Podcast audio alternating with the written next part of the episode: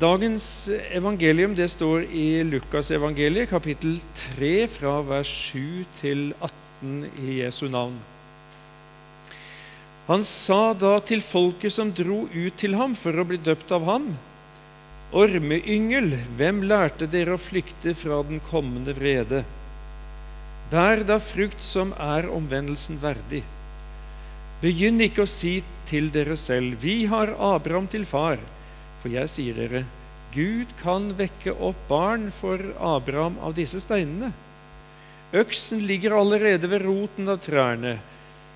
Hvert tre som ikke bærer god frukt, blir hogd ned og kastet på ilden.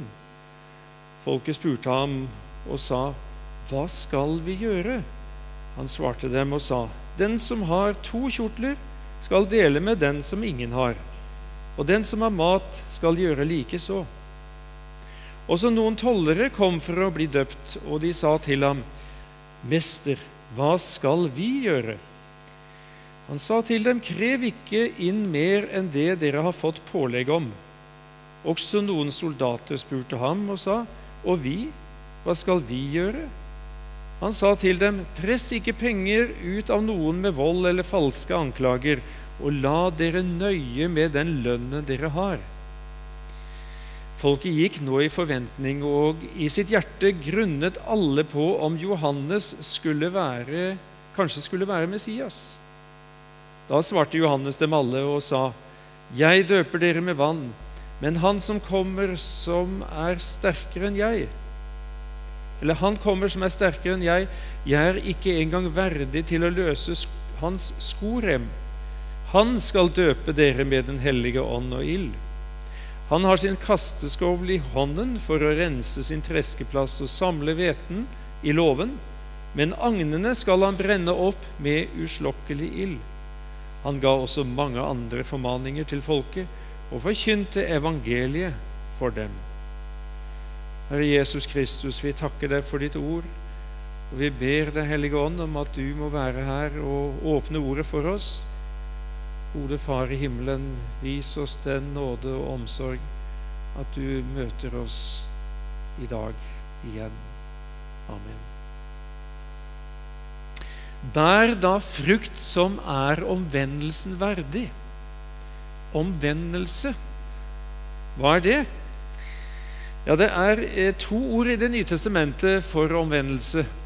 Og Det ene det eh, betyr å skifte sinn. Endre innstilling, altså fra sitt indre. Og det andre er eh, Det betyr rett og slett å vende om. Akkurat som vi lærte i militæret. ikke sant? Da gikk vi i én retning, og så skulle vi vende helt om. Nå gjorde jeg feil, fordi at jeg skulle hatt venstrefoten klar først. Dere som har vært i militæret, dere vet at det er noen visse regler sånn. Eh, så eh, det gir et uttrykk for at en skal endre fullstendig livskurs. I Apostelens gjerninger 3, vers 19, så brukes begge disse ordene.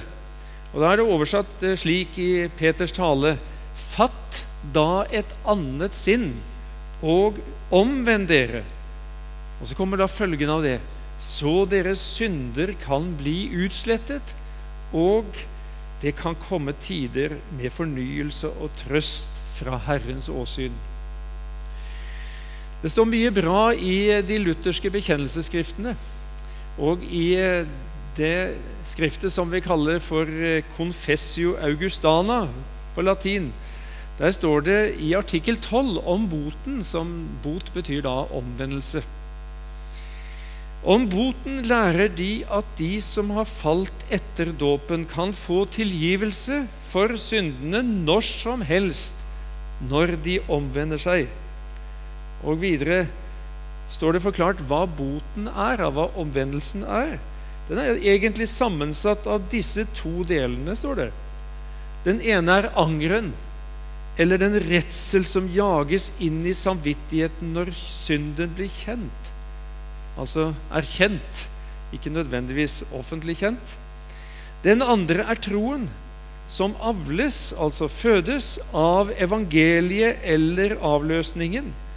og som stoler på at syndene forlates for Kristi skyld, og trøster samvittigheten og frir den fra redselen. Og så kommer det deretter bør det følge gode gjerninger, som er botens frukter. Altså omvendelsen består av anger over synden og tro på evangeliet, med den følge at det kommer gode gjerninger som frukt i den omvendtes liv. Så omvendelse, det betyr da å vende seg bort ifra synden til Gud, slik at en eh, får tilgivelse for eh, sine synder og del i et nytt liv som skal leves ut i praksis. Derfor forkynte døperen Johannes.: Omvend dere, for himlenes rike er kommet nær. Og Dette var da ikke ment som en trussel, men det var som et fantastisk tilbud. En Guds gave. Himlenes rike, det er Guds rike, det står for den frelse og nåde som er blitt tilgjengelig gjennom Jesus Kristus og hans komme. Og nå er dette riket kommet nær. Det vil si, det er tilgjengelig for alle som vil ta imot det. Det er bare å omvende seg, så får en del i det. Derfor forkynte Peter på pinsedag til dem som kjente angerens stikk i hjertet sitt. Omvend dere, og la dere alle døpe på Jesu Kristi navn. Og hva får de da? Jo, til syndenes forlatelse så skal dere få Den hellige ånds gave.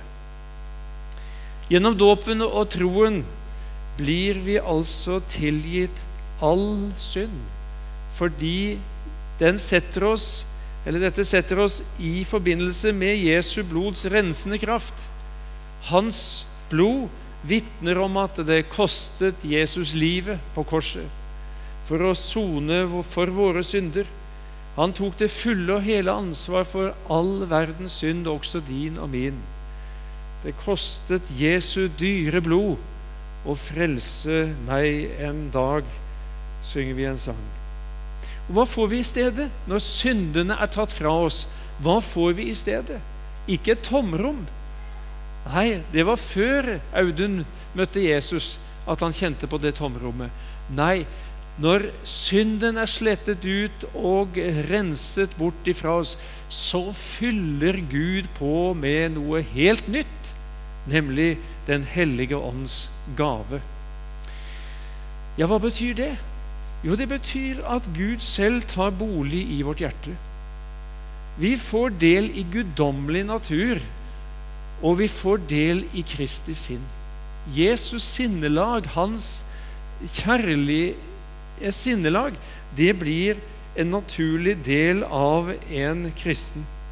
Hans kjærlighet møter oss ikke bare lenger utenifra gjennom budskapet om eh, Jesu kors og betydningen av det.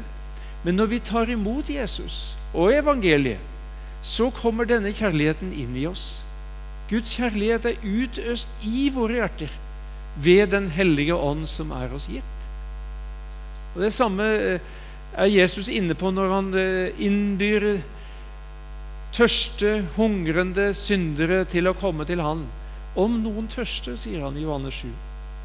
Han kommer til meg og drikker. Og hva blir følgen av det? Når du drikker av livets vann hos Jesus, jo, av hans liv, står det videre, skal det som Skriften har sagt, så han henviser til Det gamle testamentet, renne strømmer av levende vann hva er det, dette levende vannet? Jo, dette sa han om den ånd de skulle få som trodde på Han, står det videre. Ser du hvor, hvor rik du er, du som har fått Den hellige ånd?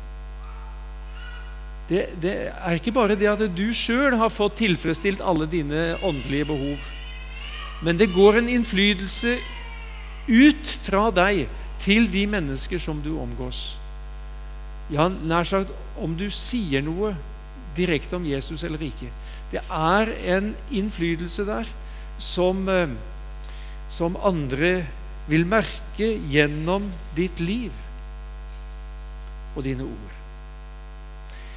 Døperen Johannes han forsto litt av eh, betydningen av Den hellige ånds gave, for han, han står jo eh, i overgangen mellom den gamle pakt og den nye pakt. Han er den siste store profet i den gamle pakt. Og samtidig så sier Jesus at det er ikke født noe, noe større menneske av kvinner enn en han. For han fikk helt direkte, konkret peke på han som er oppfyllelsen av alle løftene om Messias i den gamle pakten. Så kunne han si Se, der Guds lam som bærer verdens synd. Tenk for et privilegium han hadde. Det var dette de hadde lengtet etter, profetene i Det gamle testamentet. Og nå fikk han peke på Jesus. Han døpte med vann i Jordan. Og det vannet, det, hadde, det var jo ikke direkte rent. Jeg regner med det så ikke så veldig mye annerledes ut eh, den gang som i dag. Litt grumsete, brunt er det helst. Bare det at den tid var det sikkert mye mer, for det var ikke ledet bort til vanningsanlegg sånn som i dag. Men det, det vannet det hadde en symbolsk betydning på syndenes forlatelse. For også i den gamle pakt så fikk de tilgivelse for sine synder. Det var jo ikke først ved Jesu komme, men de ble frelst ved troen på løftet om Han som skulle komme og tilgi all synd. Døp, nei, Jesaja han formidler Guds invitasjon til israelsfolket som eh, dessverre syndet rikelig. Kom, kom, var budskapet. Kom og la oss gå i rette med hverandre. Om deres synder er som purpur, så skal de bli hvite som snø. Om de er røde som skarlagen, skal de bli som den hvite ull. Kom, kunne Johannes innby som en veirydder for Jesus. Kom og bekjenn deres synder, og tro syndenes forlatelse for, på grunn av løftet om Han som skal komme. Men, sier han, Messias, Jesus Guds sønn, når han kommer, skal det skje mye større ting. Enda større ting. Da svarte Johannes dem alle og sa, Jeg døper dere med vann, men han kommer, som er sterkere enn jeg. Jeg er ikke engang verdig til å løse skoremmen hans. Han skal døpe dere med Den hellige ånd og ild. De syv gangene i Det nye testamentet hvor eh, uttrykket 'å bli døpt med Den hellige ånd' blir brukt, så handler det alltid om å få Den hellige ånd, og eh, dermed også bli utrustet med Den hellige ånd. De fleste gangene sikter det fram mot det som eh, apostlene opplevde på pinsedag. Da ble de alle døpt med Den hellige ånd, står det i Apostelens gjerninger 2. Han som før hadde møtt dem gjennom Jesus og gjennom utvalgte redskaper i den gamle pakts tid, han skulle nå komme og ta bolig ikke bare i noen få utvalgte, men i alle Kristustroende. Der skulle han bo. Og det opplevde da apostlene på pinsedag, og det opplever enhver som tror på Kristus den dag i dag. For, sier Paulus i 1. Korinterbrev 12, for, sier han, med én ånd, den ene samme ånd, ble vi alle døpt til å være lem, ett legeme. Og når ble du et lem på Kristi legeme? Jo, du ble det da du kom til tro på Han, enten det var knyttet til dåpen eller ved en senere omvendelse så ble du innpodet på Kristi legeme. Da fikk du Den hellige ånd. Da ble du døpt med Den hellige ånd. Det skal du få lov til å glede deg over. Dette nye livet som du da får del i, det var tenkt å skulle utfolde seg i deg og gjennom deg, og prege deg både i tanker, ord og gjerninger. Det må, dette livet det må bære frukt i form av gode egenskaper som guddommelig kjærlighet, glede, fred, langmodighet, mildhet, godhet, trofasthet, ydmykhet, avholdenhet. Det er flotte egenskaper, er det ikke det? Og legg merke til jeg sa dette var guddommelige egenskaper. For eh, det er mer enn vanlig menneskelig kjærlighet vi snakker om her. Her snakker vi om den kjærlighet som bare Gud kan elske med, og som bare en kristen kan elske med. Dette sinnelaget med de kvalitetene som eh, er beskrevet her i Galaterbrev 5, det må komme til uttrykk gjennom våre ord og handlinger. Ellers er det noe fullstendig feil. Og det er det som ligger bak døperen Johannes' formaning og alvorlige ord. Ormeyngel kaller han sine tilhørere. Altså, de er Hvem er ormen, da? Ja, hvis du kjenner litt til din bibel, så skjønner du hva han hentyder til. Han hentyder til slangen, den onde selv. Og så var de altså ormeyngel, de som trodde om seg sjøl at alt var i orden. Hvem lærte dere å flykte fra den kommende vrede? Bær da frukt som er omvendelsen verdig. Og Dermed så maner han sterkt til omvendelse og til en sann og ekte omvendelse ifra innerste indre i et menneskes liv, slik at det får konsekvenser for livet. Ifølge Matteus så er disse alvorlige ordene spesielt rettet mot fariseerne og sadukerene, de to store religiøse partiene på den tid. Men denne selvsikre holdningen som de representerte, var nok typisk for store deler av folket.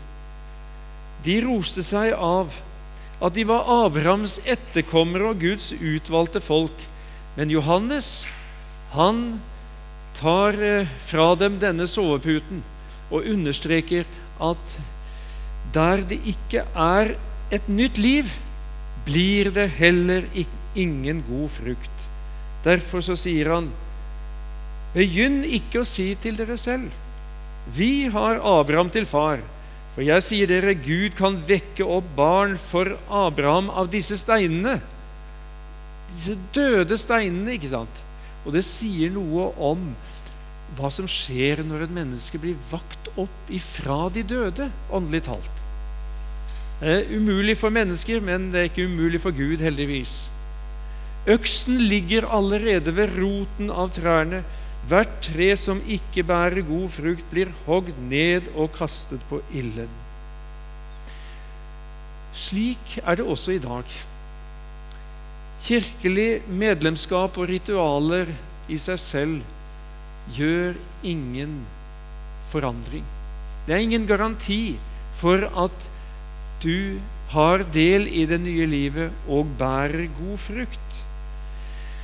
Du må vende om, sier Guds ord i dag, slik at du får renset deg fra alle dine synder og får del i det nye livet ved Den hellige ånds gave.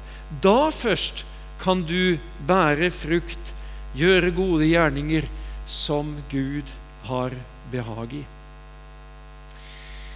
Det var ulike yrkesgrupper som kom til Johannes og spurte hva skal vi gjøre. Og Det var jo veldig positivt, for det signaliserer jo at de, de var åpne for forandring. Og det håper jeg du og jeg er også i dag. De svarene Johannes gir folket, de handler for det første om barmhjertighet overfor dem som er i nød. Del med dem som lite eller ingenting har, kan vi gjengi eller summere det første delen her med. Del. Du som har to kjortler, og så en annen som ikke har en eneste. Del. Gi han den ene.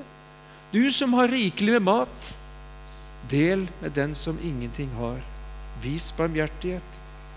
For det andre handler det om rettferdighet i forhold til penger. Krev ikke inn mer enn det dere har fått pålegg om. For det tredje handler det om nøysomhet. La dere nøye med den lønnen dere har. Og Dette henger på mange måter sammen også i dag. Der jaget etter mer penger og ting tar overhånd, der forsvinner barmhjertigheten og gavmildheten til fordel for egoisme og uærlighet. Har du sett det? Ja, Det er rikelig med eksempler på det. Hvis vi bare ser oss litt omkring og følger litt med i media, så får vi stadig eksempler på dette. Men eh, slike holdninger, hvor kommer de ifra? De kommer fra vårt kjød, fra vår syndige natur. Men eh, er det kjødet som skal prege deg og meg som bekjenner kristennavnet? Nei, hva står det i Galaterbrevet 5? De som hører Kristus Jesus til, har korsfestet kjødet med dets lidenskaper og lyster. Hører du det? Altså det, Den syndige natur som du bærer på, den ble korsfestet en gang. Den ble korsfestet rett og slett sammen med Jesus. For Jesus døde jo ikke på korset for sine synder. Han døde der for dine og mine synder. Og Dermed så regner Bibelen sånn at den som lever i trosfellesskap med Jesus, han har del i en korsfestelse som innebærer at ditt gamle menneske, ditt kjød, ble korsfestet, er blitt korsfestet med ham. Derfor så kan vi si som tror på Jesus, sammen med Paulus, 'Jeg er korsfestet med Kristus'. Ja, det er sterke ord. Jeg er korsfestet med Kristus. Jeg lever ikke lenger selv. Går rundt som en, en død person. Ja, Det høres rart ut. Men så fortsetter han. Kristus lever i meg. Og det liv jeg nå lever i kjødet, altså som menneske, det lever jeg i troen på Ham som elsket meg og ga seg selv for meg. Så da er det hele tiden en henvisning til det som skjedde på korset. Der døde jeg bort fra mine synder sammen med Jesus. Og slik skal du også få lov til å regne ditt forhold til, til synden. Synden er ikke død i deg. Synden er heller ikke død i meg. Dette, denne gamle naturen den er seiglivet. Det må vi bare innse. Men i troens rike så skal du få lov til å regne noe som fullbyrdet, selv om det fortsatt erfares som noe som er der. Og det er hemmeligheten til et, et liv i, i seier over synden at du regner med det du eier i Jesus. På samme måte som han døde bort ifra all verdens synd, også dine og mine synder. På samme måte som Jesus ikke lenger er heftet med synden, så skal du, står det i Rombrevet 6,11, på samme måte skal dere regne dere som døde for synden, men som levende for Gud i Kristus Jesus. Ja, Paulus han triumferer nærmest når han sier det i Rombrevet 8,12. Derfor, altså på grunn av det Jesus har gjort, derfor, brødre Han snakker til troende mennesker. Skylder vi ikke kjødet noe, så vi skulle leve etter kjødet. Det er deilig å være gjeldfri. Ja, jeg er ikke helt gjeldfri sånn i forhold til banken. Men i forhold til Gud er jeg gjeldfri.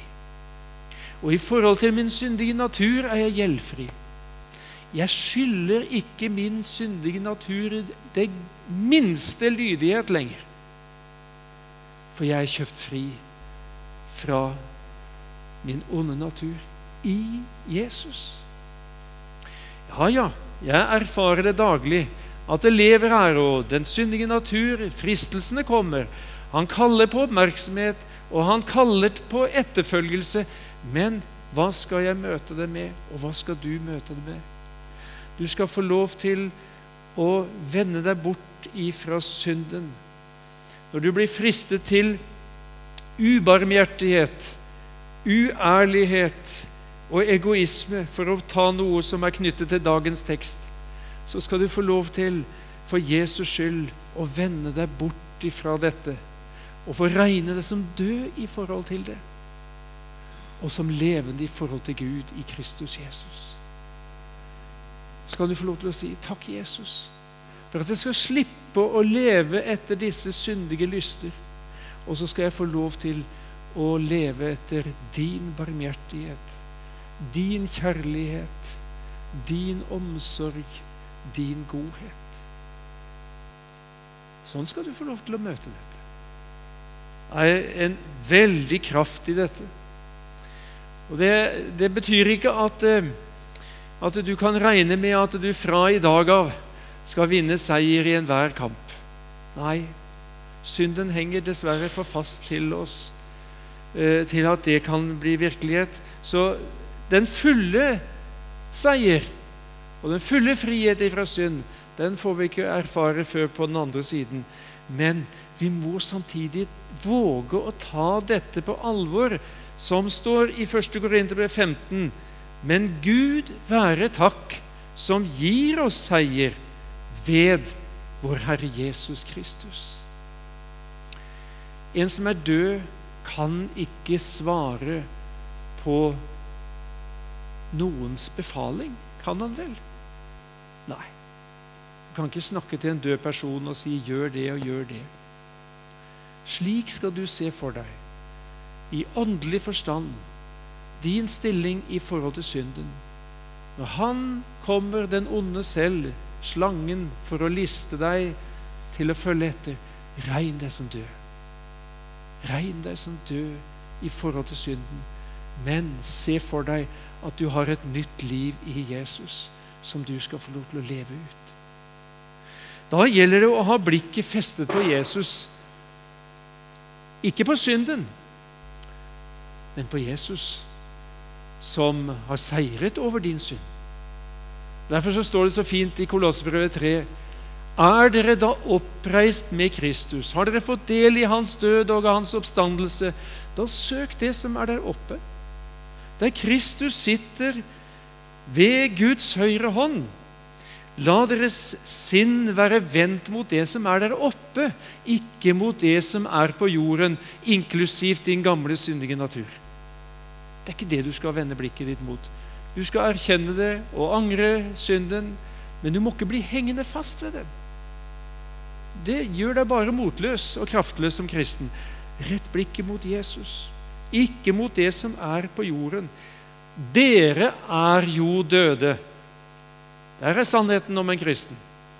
Døde med Kristus. Dere er jo døde. Men så fikk vi et nytt liv i stedet.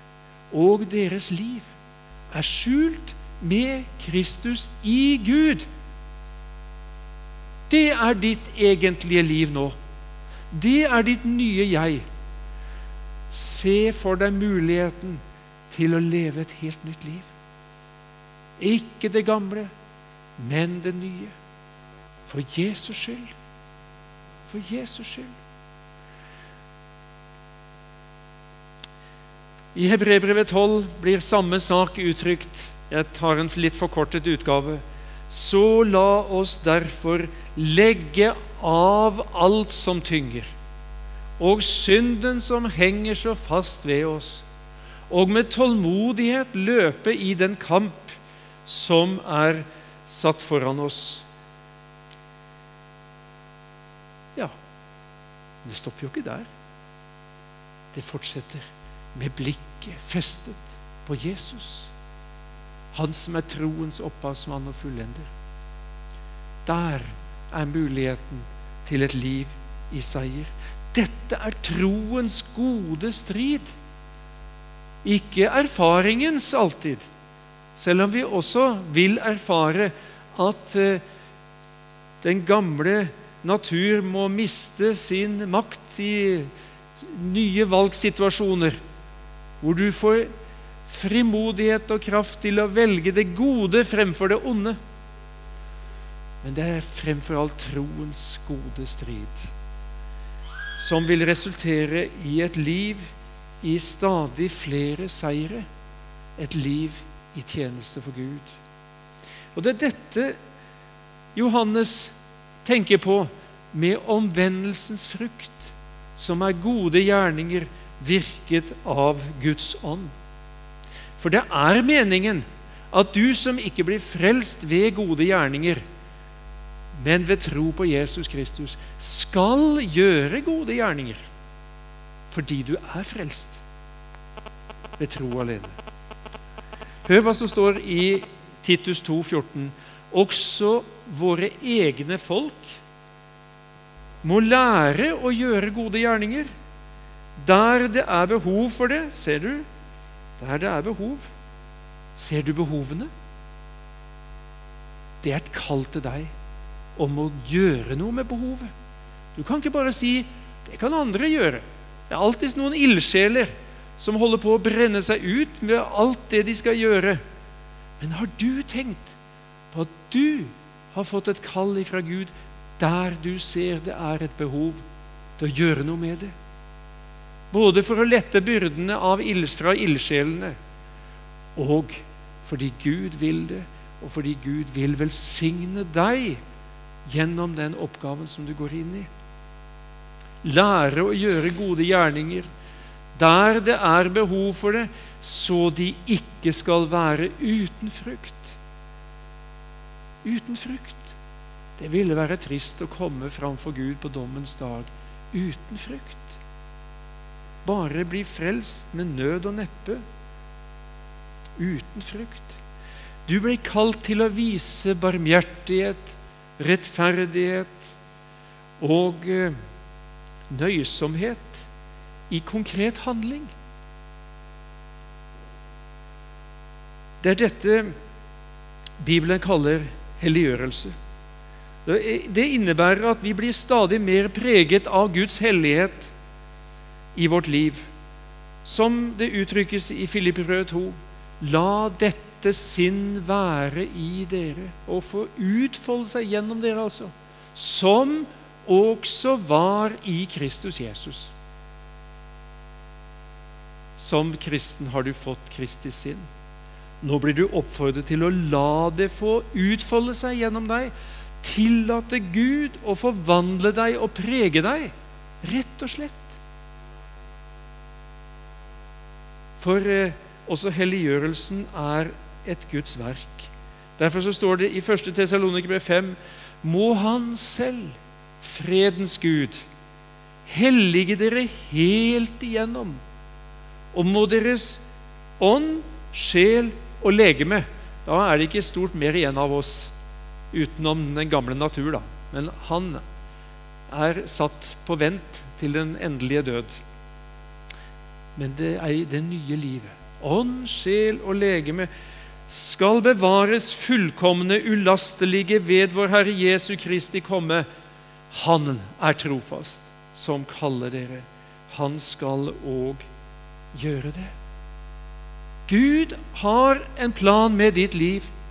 Han vil prege deg, han vil forme deg og gjøre deg mer og mer lik Jesus, slik at de som møter deg, opplever å møte Jesus gjennom deg. Ja, ja det er sterke ord. Men jeg har opplevd det sånn jeg, mange ganger gjennom livet. Selv om jeg ser at mennesker, troende mennesker har sine feil, så er det akkurat som jeg får nåde til å se forbi det, og så ser jeg Jesus der. Som bor i deres hjerte, og som får virke gjennom dem ved Guds nåde. Det er klart at dette vil da den gamle natur stritte imot. og Derfor så så har du og jeg et ansvar her til å bevisstgjøre oss hva vi eier i Jesus. Og eh, det er to ting mot avslutningen her som jeg vil understreke. Og Det første det er et uttrykk som brukes i Bibelen om å vandre i Ånden. Vi som har fått Den hellige ånd, vi er kalt til å vandre i Ånden. Så skal dere ikke fullføre kjødets lyst. Står det i Galaterbrevet 5? Det betyr å la Den hellige ånd få bestemme dine valg og prioriteringer. Det fører til at du vil vandre i lyset, fordi Gud er lys, og Jesus, han er verdens lys.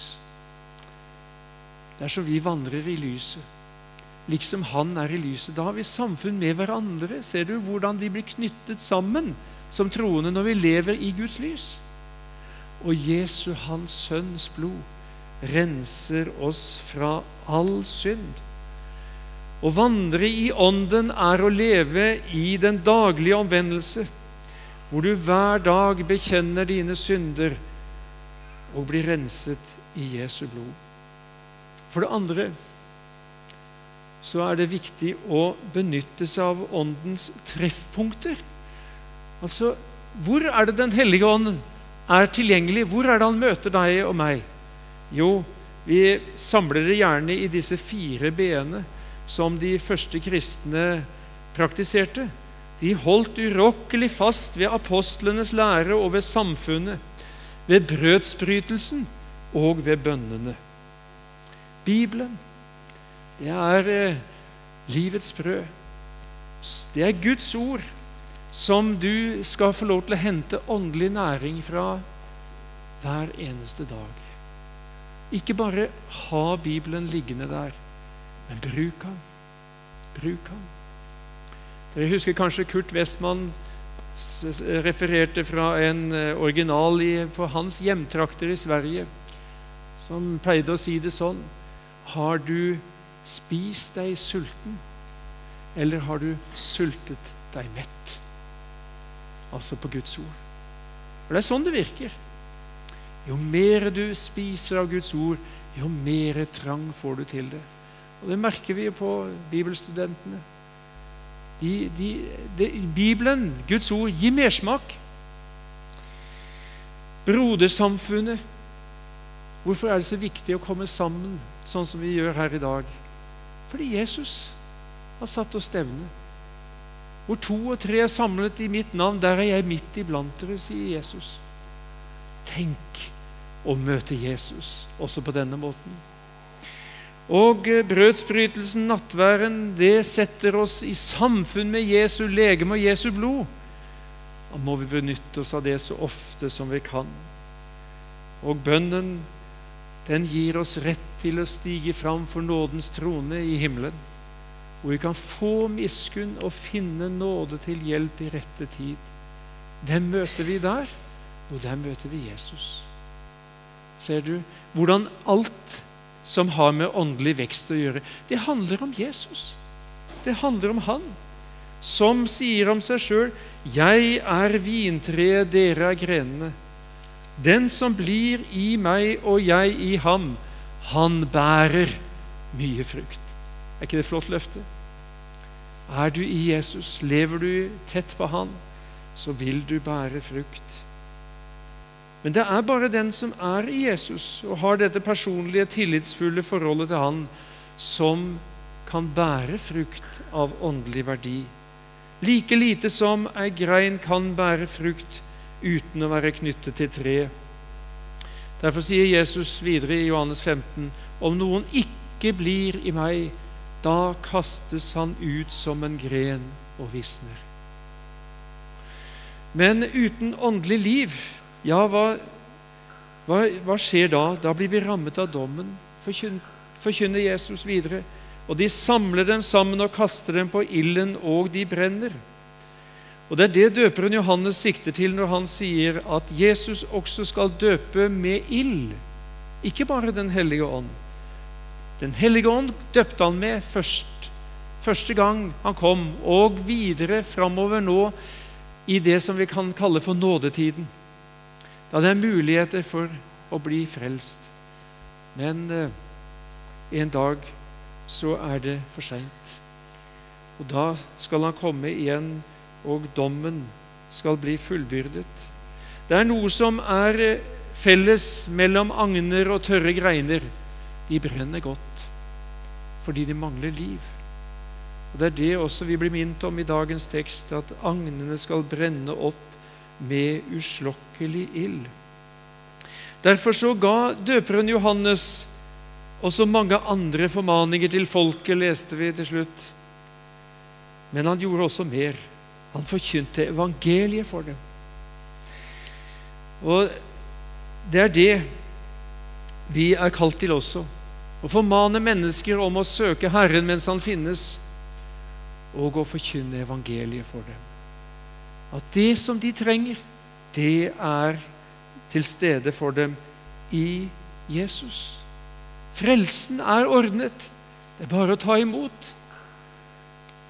Er du blant de som lever i omvendelsen sjøl og prøver å lede andre til omvendelse? Ja, det er vårt primære kall. Måtte vi alle leve der. Amen.